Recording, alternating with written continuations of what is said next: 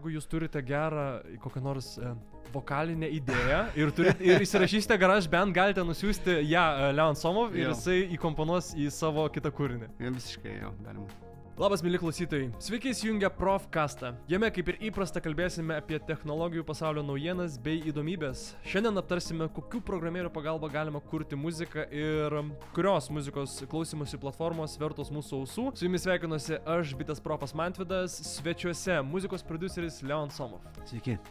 Pradėkime nuo Leon Somov muzikinio gyvenimo pradžių pradžios. Nuo ko viskas prasidėjo? Kaip vyko muzikos kūrimas? Nuo gitaros. Nuo gitaros. jo. Be, buvo kiek, 14 metų galbūt kažkas panašaus. Tai jo, prasidėjo nuo gitaros ir taip vis po truputį, po truputį traukė tą e, elektroniką ir galbūt labiau pradėjo traukti, kai pradėjau domėtis e, įrašinėjimo procesais, e, kaip technologiškai viskas įvyksta ir mane taip įtraukė, kad iki šiol nepaleidau. Tai 14 metų prasidėjo nuo gitaros ir kada Jo. maždaug prasidėjo tas jau prisėd, pirmasis prisėdimas prie kažkokių programėlių, programų. E, Na, buvo gal 15-16 metų, mes turėjom tokią grupę, grodom gitarom ir labai norėjosi viskas įrašyti. Ir jau kaip buvo ta pirma patirtis įrašų studijoje, mane taip sužavėjo tas visas procesas, garso apdorojimas ir, ir panašiai. Ir jo, tada, tada viskas prasidėjo. Kaip atrodė ta įrašų studija, kur, pirmoji, kurioje buvo? A, nu, buvo pirmoji, tai buvo Rusys.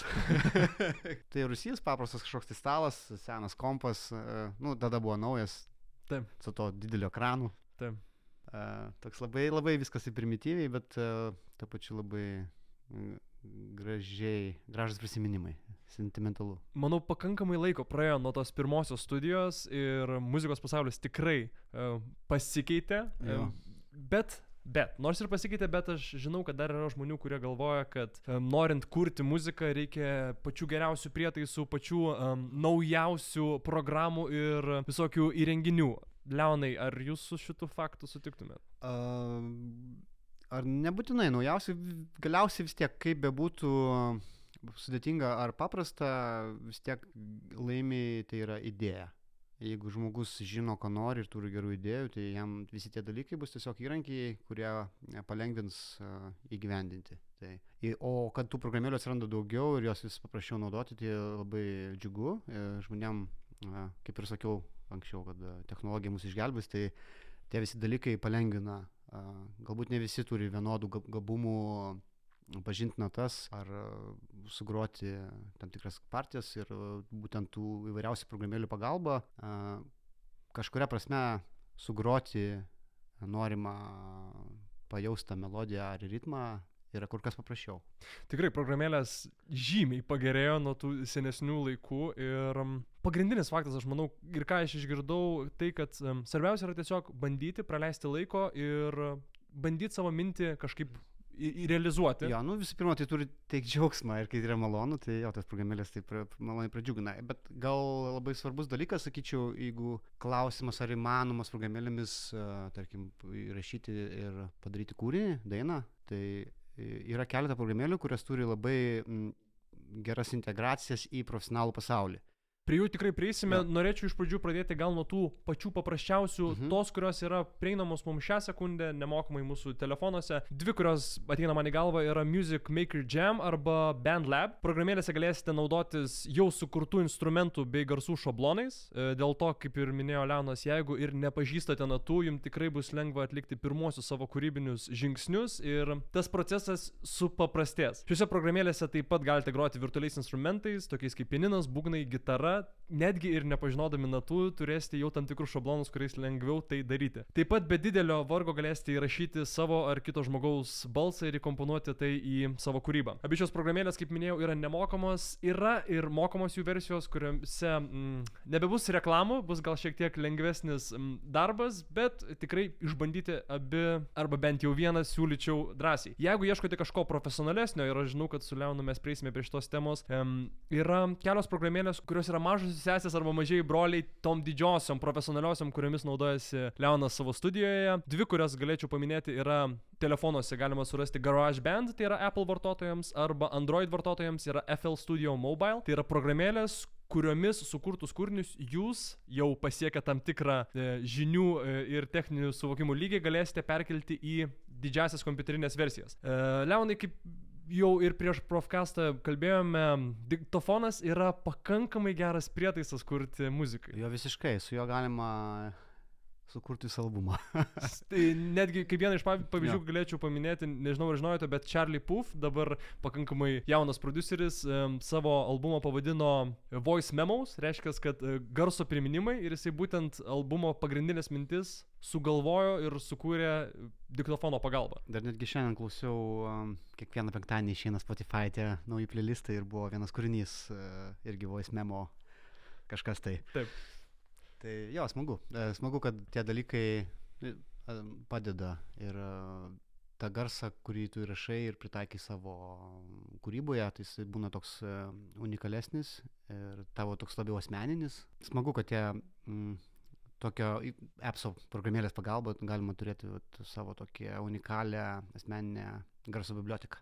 Taip, nes kai kurie žmonės, e, čia grįžtant prie tos temos, kai kurie žmonės, manau, tikrai um, bijo netgi žengti pirmąjį žingsnį, nes galvoja, kad jiem nepakaks kažkokių teorinių žinių, bet... Tai dabar tų žinių yra tikrai labai nesunku surasti. Vien jau YouTube kanalą nuėjus galima nemokamų daug atrasti e, pamokėlių, kur palengvins tikrai darbą visuose norimose srityse, ne tik muzikoje. Tai, uh, bet faina, kad vat, paminėjai GarageBandas, uh, tarkim, jeigu naudoja Apple uh, gaminius, jeigu dirbi su žmogum, kuris gyvena kitame mieste arba tiesiog nėra galimybės uh, kartu susitikti studijoje. Tai pavyzdžiui, aš va, turiu keletą žmonių, su kuriais dirbu ir mm, mes naudojame, tarkim, vokalistas naudoja GarageBand programą ir rašo namuose į, į tą appsą, Taip. programėlę, užsaugau ir man atsiunčia kaip a, projekto failą ir aš jį jau galiu atidaryti savo Logic Pro programoje ir tęsti darbus ir matau visą tą darbinį procesą. Nereikia prašyti, kad išeksportuok. Tai reiškia, ten. tai jeigu jūs turite gerą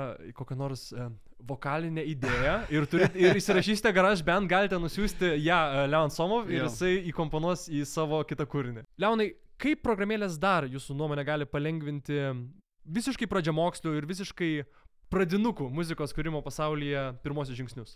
Na, galbūt pradžioje gali pasirodyti, kad a, tų natų tiek daug ir kur, kuri čia ta nata teisinga ir kad jos tarpusavį gražiai dėrėtų. Tai pavyzdžiui, galima nustatyti a, norimą dermę arba tiesiog dermę iš, iš pasiūlytų opcijų. a, Dermės yra, dermės yra garsai ar O, nežinau, garsų eilė? pasakyti, nu tiesiog garsai, kurie dera tarpusavyje. Supratau. Natos, kurios uh, harmoniškai gražiai skamba. Programėlės gali pasiūlyti tiesiog tas e, jau natas, kurios tarpusavį gražiai Jo, skambės. ir tada pas, pasirinkus tą opciją, šiek tiek lengviau parašyti melodiją, suspaudyti uh, mygtukais.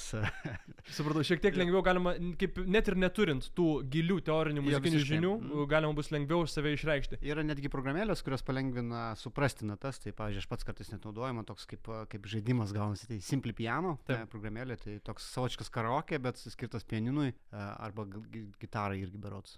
Prieš kelis profkastus kalbėjome būtent apie šitą programėlę ir net jeigu Leonas Somos naudoja tokią programėlę savo namuose, reiškia, jinai tikrai e, gali pagerinti mūsų klavišinių instrumentų e, va, sugebėjimus. Toks kaip, uh, kaip žaidimas, uh, ten yra tokie lygiai, kuriuos reikia va, bosus vadinamus. Tai, tai ta, jo, faina, ten uh, pasirinkti, vėliau jų galima pasirinkti daugiau kūrinių, kuriuos atlikti ir panašiai. Tai ten yra ir ritminės pamokėlės, ir, ir, ir grojant kai- kairė ranka, skaitant iš boso raktų, pavyzdžiui. Na, tokių.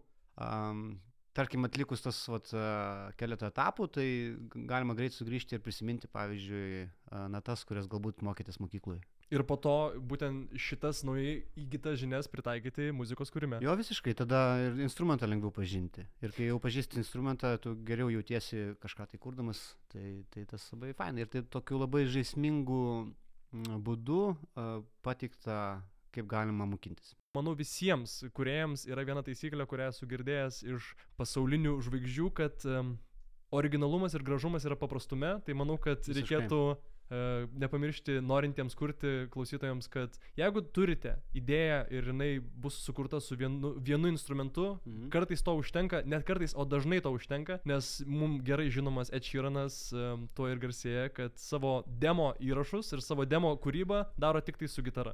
E, labai geras pastebėjimas e, ir, dažnas atvejis, kad tie demo kūriniai arba patys pirmieji e, dubliai būna patys geriausi. Jau būna nuoširdžiausi ir Taip, jie tokia, ta ta emocija būna tokia tikra, nes pavyzdžiui, nu, kai kažką tai išgirsti ir pamatai, ta pirmoji reakcija būna tokia natūrali, tikra. Ir jeigu tu po to bandai tai kažkuria tai prasme atkartoti, tai būna nebe taip. Nebe ta, nebe ta emocija. Tai būtent jo. Gali panašiai padaryti, panašiai sureaguoti ar sugroti ar sudainuoti. Jeigu turite idėjų, griebkite telefoną, įrašykite programėlę ir iš karto Visiškai, pi jo. pirma mintis visą laiką yra geriausia. Taip, būna, jo, tas vat, jausmas būna tikras, pats tikriausias, sakyčiau. Kai Leon Samov sukurs kūrinį, jį reikia kažkur ir klausytis. Um, turbūt daugelis mūsų neįsivaizduojam savo kasdienio gyvenimo be muzikos klausimosi, ar būtume linksmi, ar būtume liūdni, mus dažniausiai e, veda muzika. Šiais laikais klausytis muzikos galima visur. E, Išmaniajame telefone, išmaniajame, iš planšetėje, kompiuteryje ar netgi laikrodyje. Galima būti gamtoje, gaminti maistą, visur muzika yra pasiekiama. Em, Dabar galima rinktis iš daugybės klausimo platformų skirtingų ir dauguma jų, sakyčiau, turi pakankamai daugiau panašumų negu skirtumų. Leonai, sakykite savo mėgstamą programėlę, aš spėju, kad įvardinsite kaip Spotify, nes jau prieš Na, tai. jo, visiškai. E, Galbūt anksčiau mažiau klausydavau, nes sunkiau būdavo surasti mėgiamų atlikėjų ir mažiau būdavo nepopuliarios muzikos, o dabar per pakankamai trumpą laiką e, daug kas pasikeitė ir e, tikrai pasidarė daug platesnio spektro stilius prasme. Spotify, tarkim.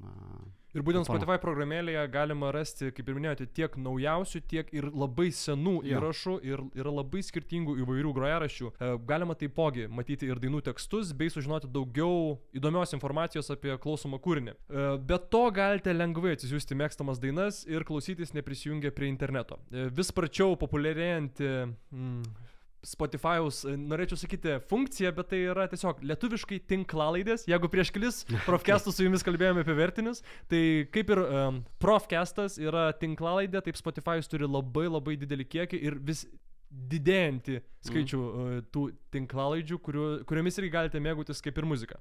Um, dar vienas pastebėjimas dėl Spotify'aus yra, ir manau, kad tai nebėra niekam naujovė, kad šiaip jis yra nemokamas, bet jeigu norite klausyti visų... Be reklamų? Be reklamų, jeigu norite klausyti be reklamų, šiek tiek reikės sumokėti, bet nemanau, kad šiais laikais, norint klausyti legaliai aukštos, k- aukštos klasės, aukš- aukšto lygio garso, mes jau esame neįpratę ir nežinome, kad reikės šiek tiek už tai susimokėti. Tai čia labai toks, sakyčiau, net simbolinis mokestis.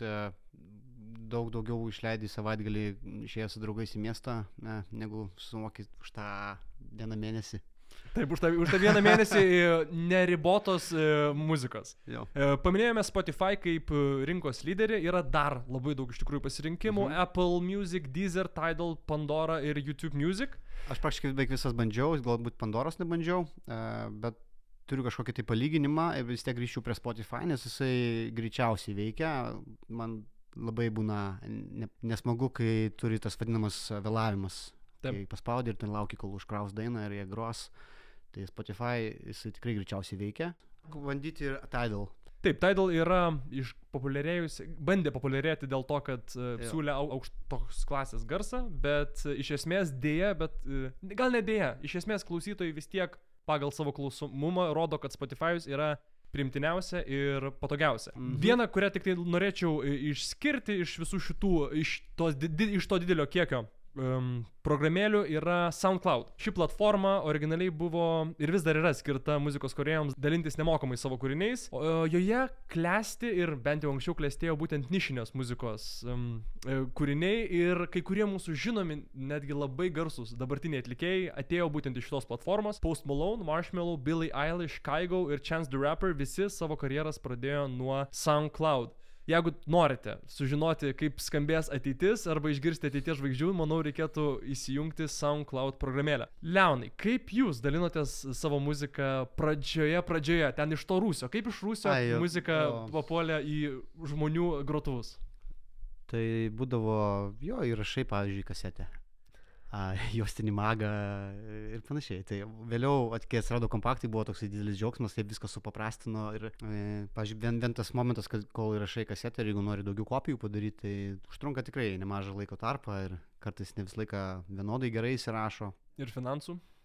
Jo, ir, o, o kompaktas buvo toksai a, e, skaitmeninė plokštelė, kaip čia. Taip.